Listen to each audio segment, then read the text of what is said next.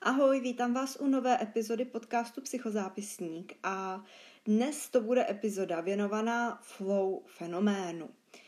Jak asi víte, tak já většinou takhle v každé epizodě dělám na začátku nějaký live update, ale um, nenastala u mě žádná změna.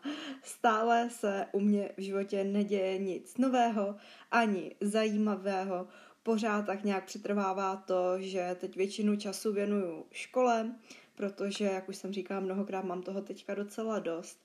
A jediná taková zajímavá věc, nebo aspoň podle mě zajímavá, je to, že jsem se včera viděla s mým kamarádem Adamem a připravili jsme pro vás takové video, ve kterém jsem odpovídala na vaše otázky. A pravděpodobně teď, když posloucháte tady tu epizodu podcastu, epizodu psychozápisníku, tak už jste tady to video asi mohli vidět, už by mělo být online na Instagramu, takže pokud jste ho viděli, tak já doufám, že se vám líbilo, že vás bavilo. Pokud jste ho neviděli, tak se určitě na to můžete jít mrknout.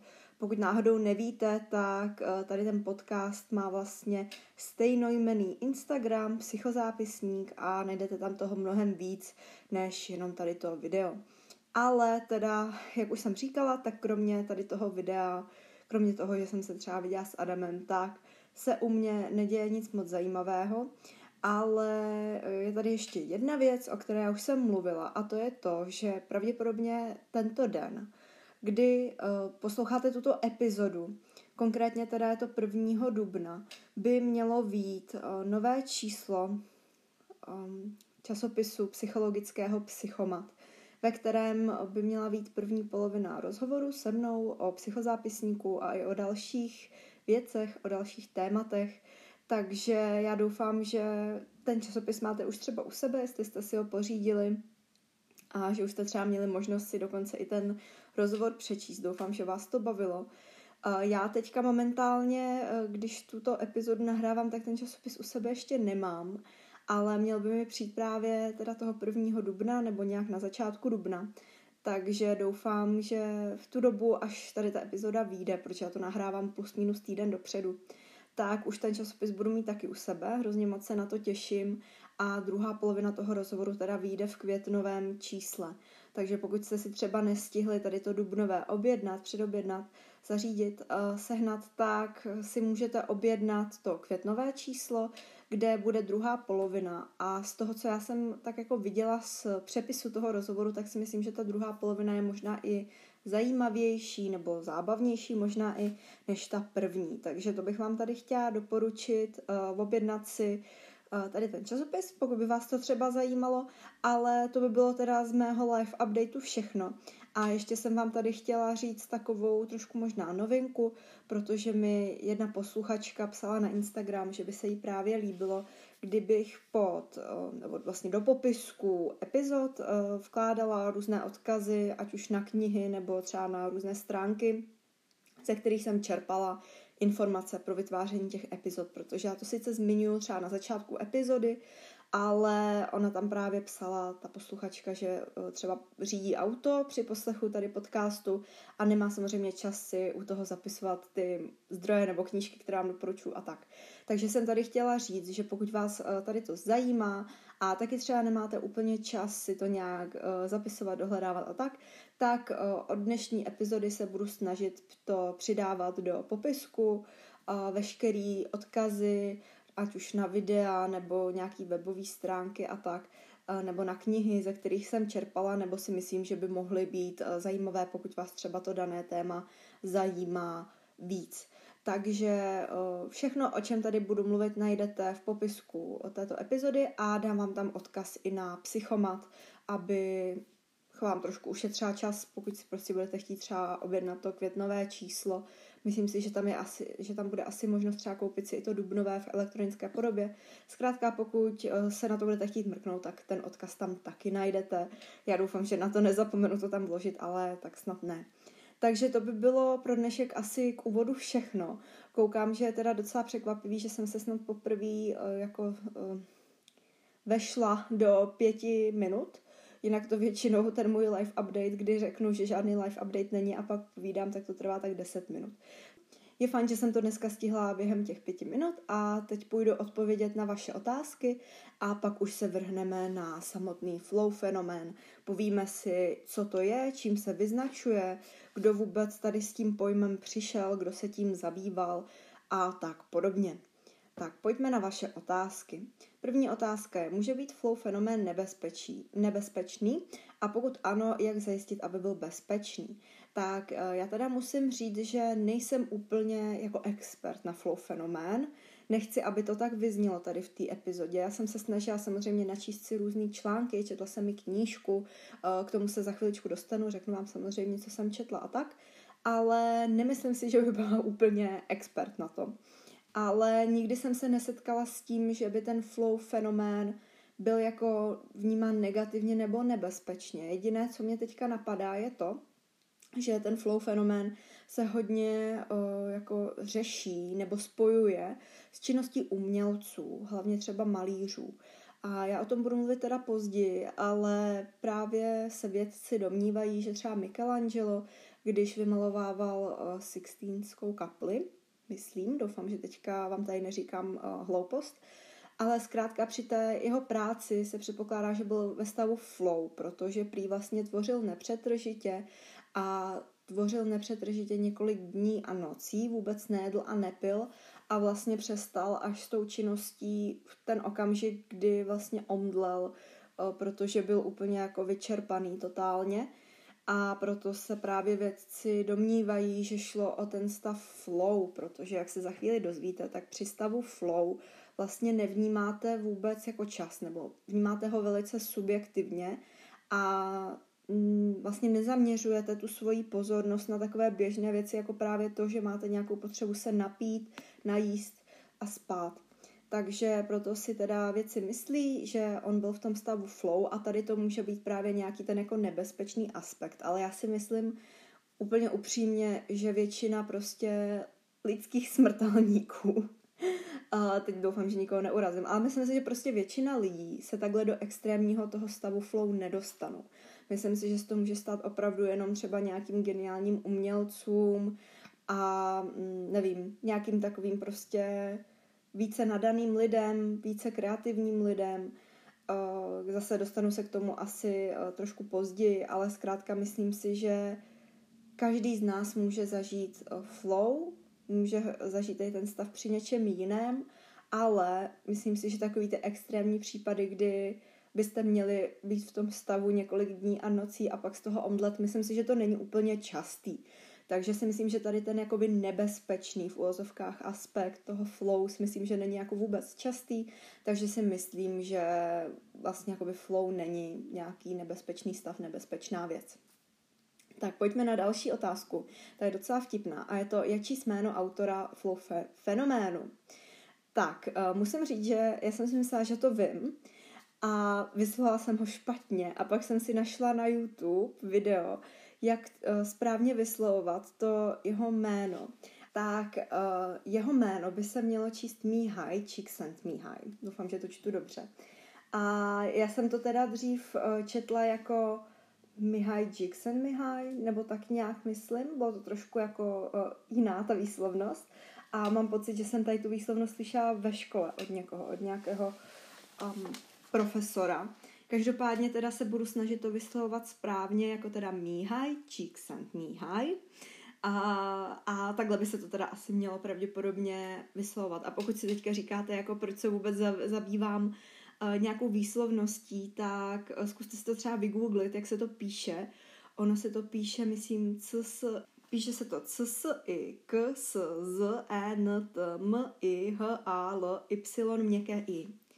Takže když na to koukáte, tak jako česky byste to přečetli Cixent Mihaly asi. Uh, takže proto je ta výslovnost taková trošku komplikovanější a vlastně vůbec se tím tady jako zabývám. Tak a teď už tady mám jenom poslední otázku a to je, zažila jsi jej někdy, po případě máš nějaké typy, jak se tomu uh, flow vystavit nebo jak se do flow dostat.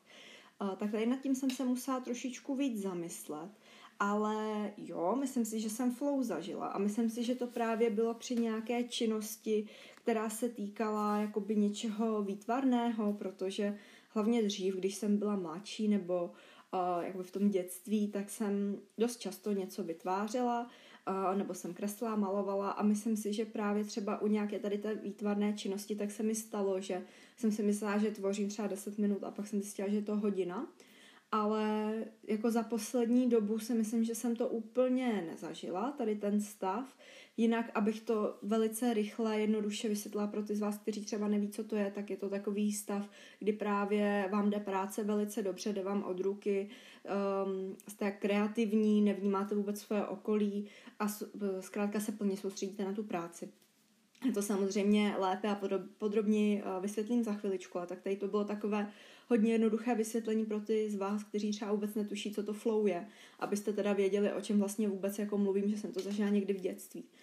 No ale zkrátka myslím si, že třeba o, za posledních pár let jsem to asi úplně nezažila, nebo si to nevybavuju, ale u mě to teda bylo asi v rámci nějaké takové jako kreativní činnosti, ale jinak tady to mývám třeba, když trávím čas jako s kamarády a zkrátka dělám něco, co mě baví, tak jako se mi stává, že to uteče hrozně rychle, ale to si myslím, že asi už není úplně flow, ale že to známe všichni, že prostě když se bavíme, uh, užíváme si něco, je nám dobře, tak uh, to vždycky uteče rychleji, než když třeba jsme na nějaký přednášce, která není úplně zábavná, je nějaká nudná, nebo děláme něco, co nechceme dělat, třeba nějaký uklízení, jo. Nevím, mě teďka napadlo třeba mytí oken a zkrátka nějaký takovýhle činnosti. Takže to by byly odpovědi na vaše otázky a já už se teďka půjdu vrhnout uh, na vlastně slibovanou, dalo by se říct, definici flow a na to, co to teda vlastně flow je, jak to vzniklo a tak podobně. Flow by se dalo do češtiny přeložit jako proudění, prout nebo plynutí. A je to duševní stav, při kterém je osoba ponořena do určité činnosti tak, že nic jiného se jí nezdá důležité, a je to vlastně takový okamžik, kdy se jí tělo nebo mysl vzepne hranicím jejich možností ve, vědomí, ve vědomé snaze dosáhnout něčeho obtížného, co stojí za to.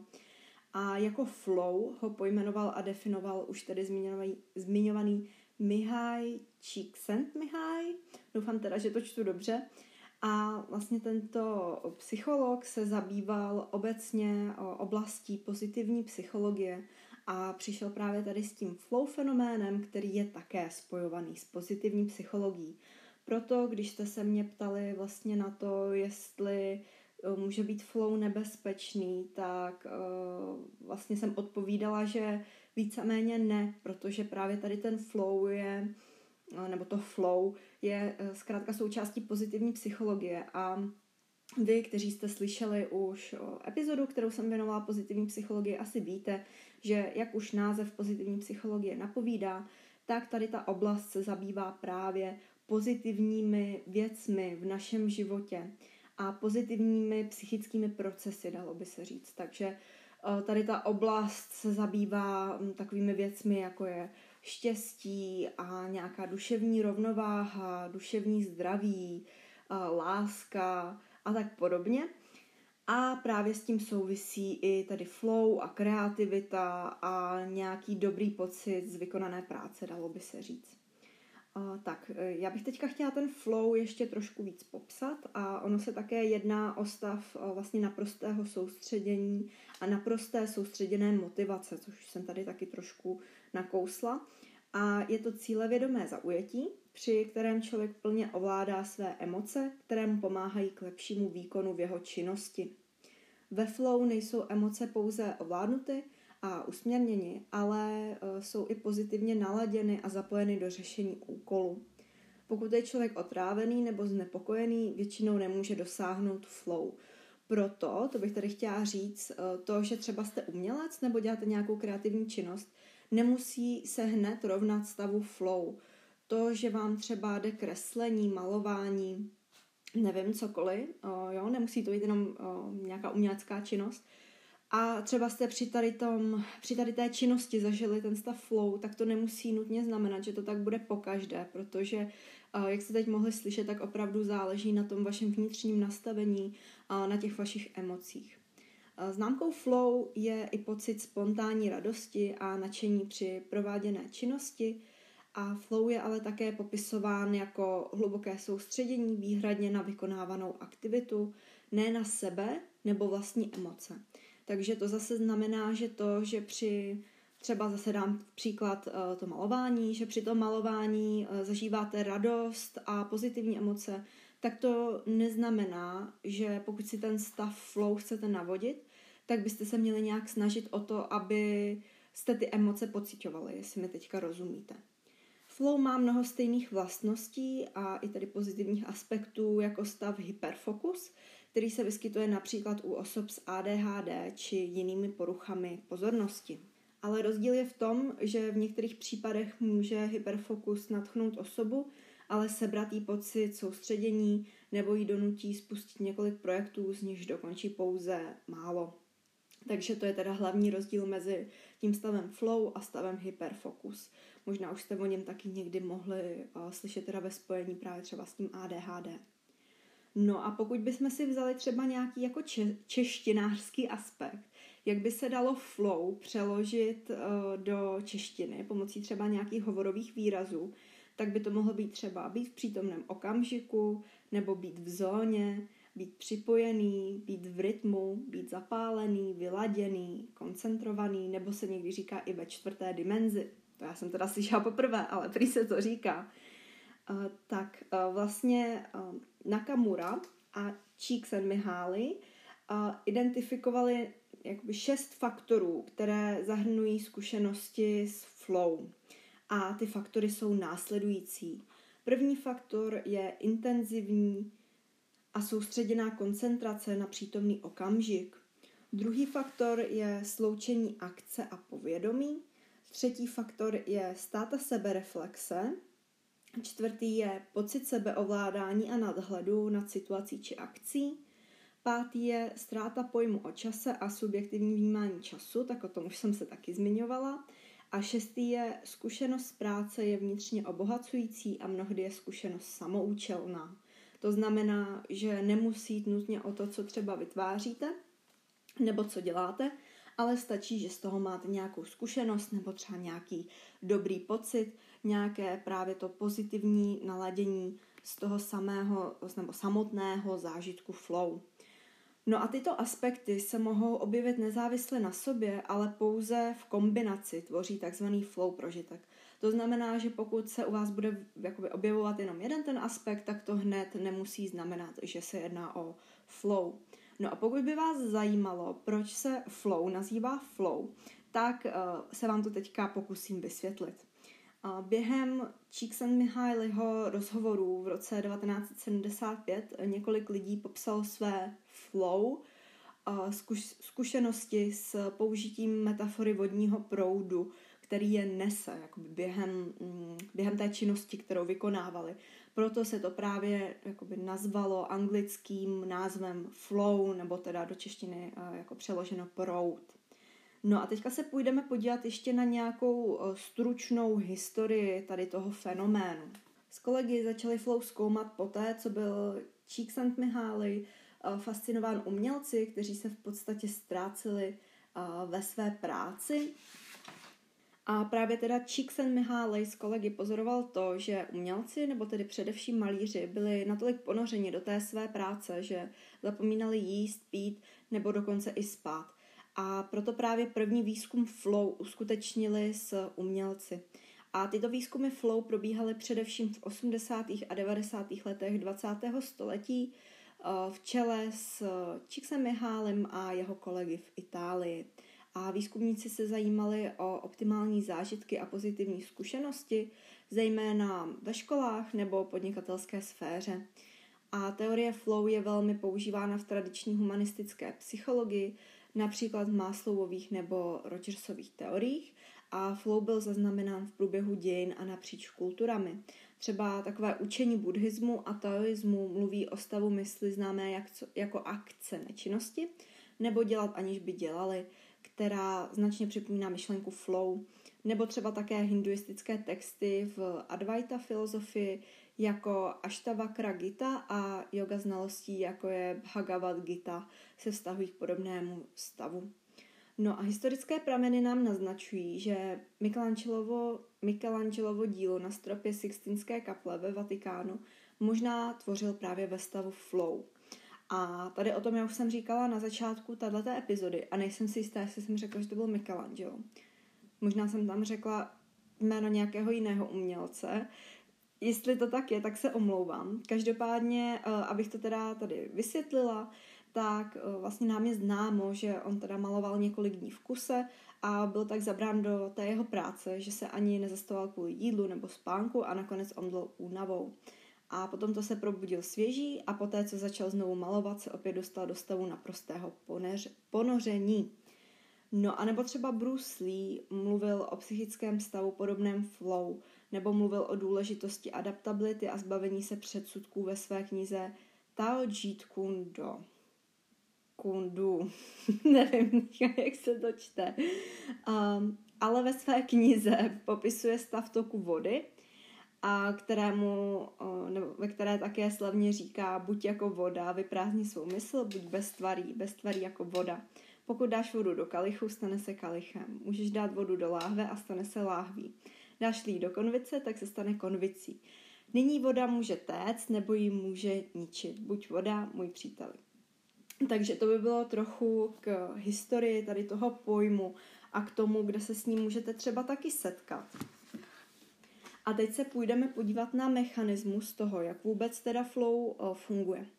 Psychologové zjistili, že něčí mysl může vnímat pouze určité množství informací najednou. A podle Mihailovy studie z roku 1956 je množství těchto informací 126 bajtů informací za sekundu. Což se může zdát jako velké číslo, ale například třeba jenom to, že jste schopni se bavit, tak to zabírá 40 bajtů informací za sekundu, což je jedna třetina naší kapacity. No a při flow nezbývá žádná kapacita pozornosti. To znamená, že je člověk naprosto zabraný do činnosti, aniž by se tak rozhodl a není schopný se soustředit na něco jiného a také zase aniž by se rozhodl, je to jakoby nevědomé, dalo by se říct.